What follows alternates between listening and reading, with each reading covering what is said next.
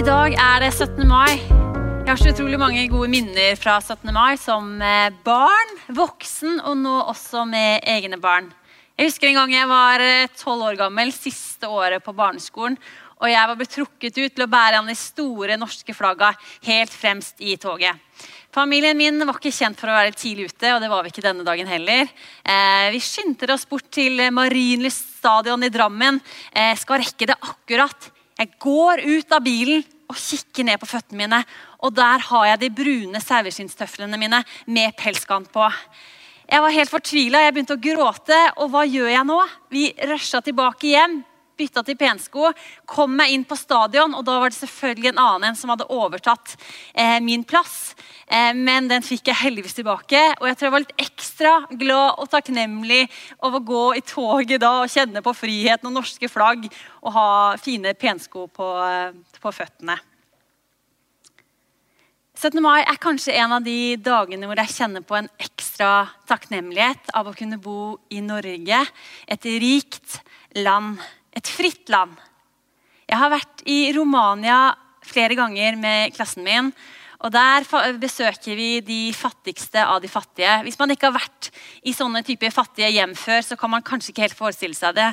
Men det lukter forferdelig. Disse barna er møkkete, de har nesten ingenting. Og der vokser de opp. Jeg har hørt at uh, å bli født i Norge og bo i Norge det er som å vinne i Lotto. Og når man sammenligner det her, så kan man kanskje si seg enig. Men så er det kanskje en fattigdom som vi har i Norge som er størst, og det er ensomheten.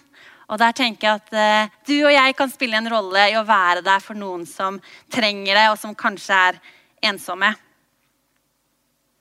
Men hvordan er det med takknemligheten vår i hverdagen? Er det fort gjort å ønske seg mer? Jeg var ute og jogga en tur med min uh, eldste datter på ti år.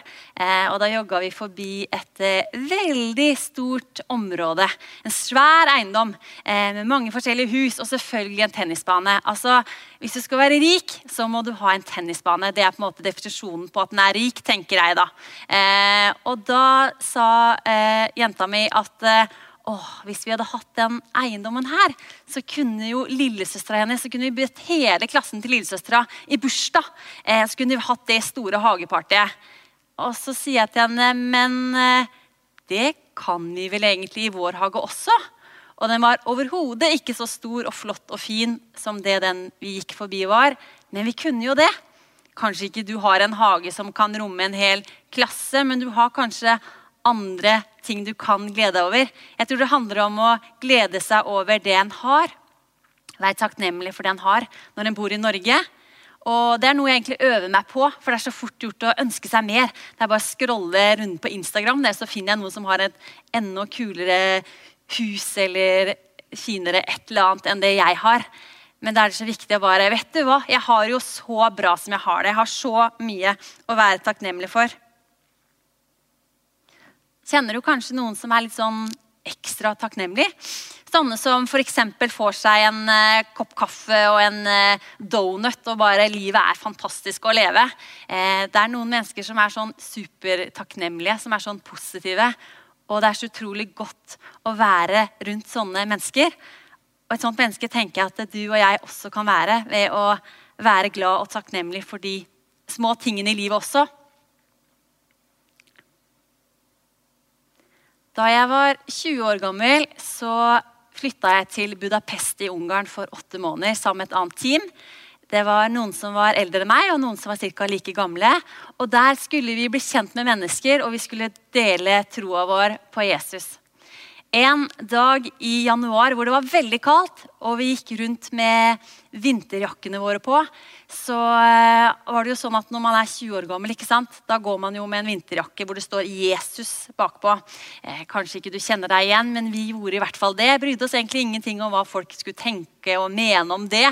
Eh, men vi gikk rundt der, og det begynte å bli ganske kaldt. Og da var det på tide å ta seg en tur inn på McDonald's for å få seg en kakao.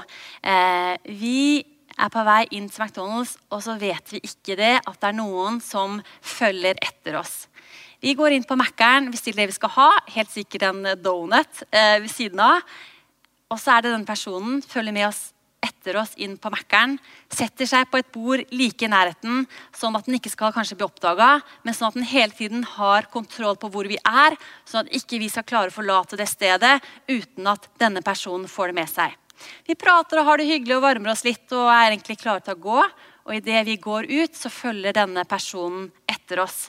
Vi går litt nedover gata der, og jeg kjenner plutselig noen tar tak på skulderen min. Og så sier personen på engelsk at eh, jeg så det sto Jesus på jakka deres. Jeg har så lyst til å bli bedre kjent med Jesus. Kan dere være så snille å, å lære, meg, lære meg Jesus bedre å kjenne? Denne jenta har jeg fortsatt kontakt med. Hun opplevde å bli bedre kjent med Jesus. Hun opplevde en sånn, jeg husker den takknemligheten hun hadde for at hun hadde lært bedre Jesus å kjenne. Virkelig fått opplevd Jesus sin kjærlighet i livet sitt. Hun var så glad, og hun ble så takknemlig. Denne forfølgeren, eller stalkeren, som vi liker å kalle henne. I år så feirer vi jo ikke 17. mai helt sånn som vi pleier. For meg så er noe av det mest spesielle med 17. mai det er det folkehavet. Det er norske flagg og selvfølgelig sukkerspinn. Jeg er en lite barn på mange områder, og 17. mai da blir jeg som et lite barn. og Jeg vil ha den største rosa sukkerspinn jeg kan finne. Um, dette folkehavet det, det, kan dere jo kjenne igjen. Eh, og for eh, det blir vel seks år siden, i 2014, så var det jo 200-årsjubileum for Grunnloven i Norge. Norge.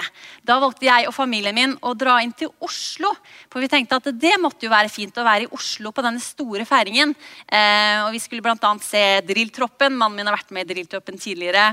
Eh, og Vi kommer dit, og vi tar trikken ned til byen, og det var bare tjåka fullt med folk overalt. Jeg husker Vi hadde barnevogn. Det var egentlig ikke plass til verken oss eller barnevogna. Vi sto liksom som sild i tønne. Og vi skulle uansett hvor vi gikk, så måtte vi bare gå med, i masse kø, og vi dulta borti mennesker.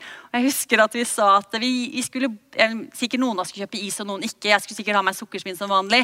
Og så kom vi på toppen der, så sier vi vi bare møtes foran slottet der. Ja, da ser vi hverandre der.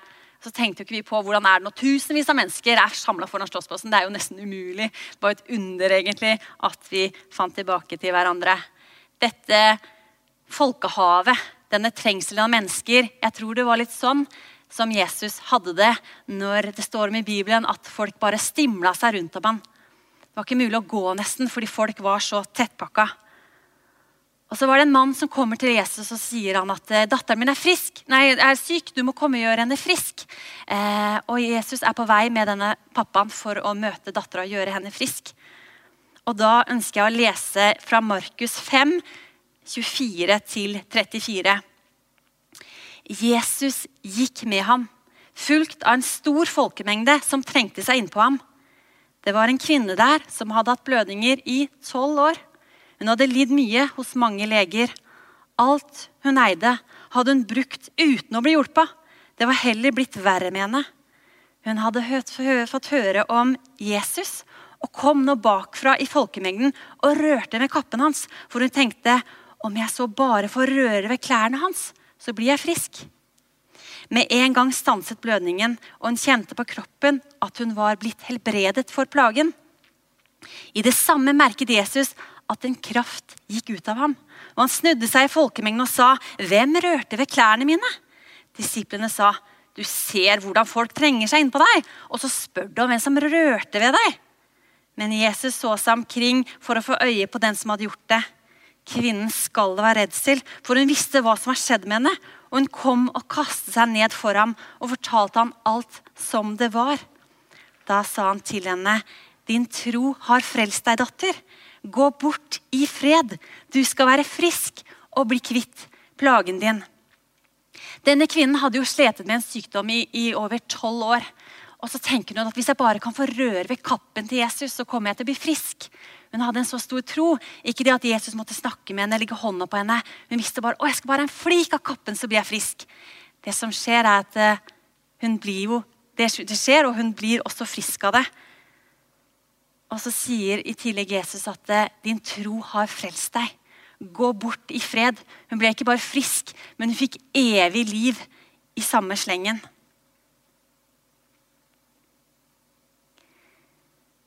Jeg tror det er fantastisk å tenke stadig minne oss på det Gud og det Jesus har gjort for oss i hverdagen. Være takknemlig for det Jesus har gjort når han valgte å ta på seg alt på korset og dø for oss.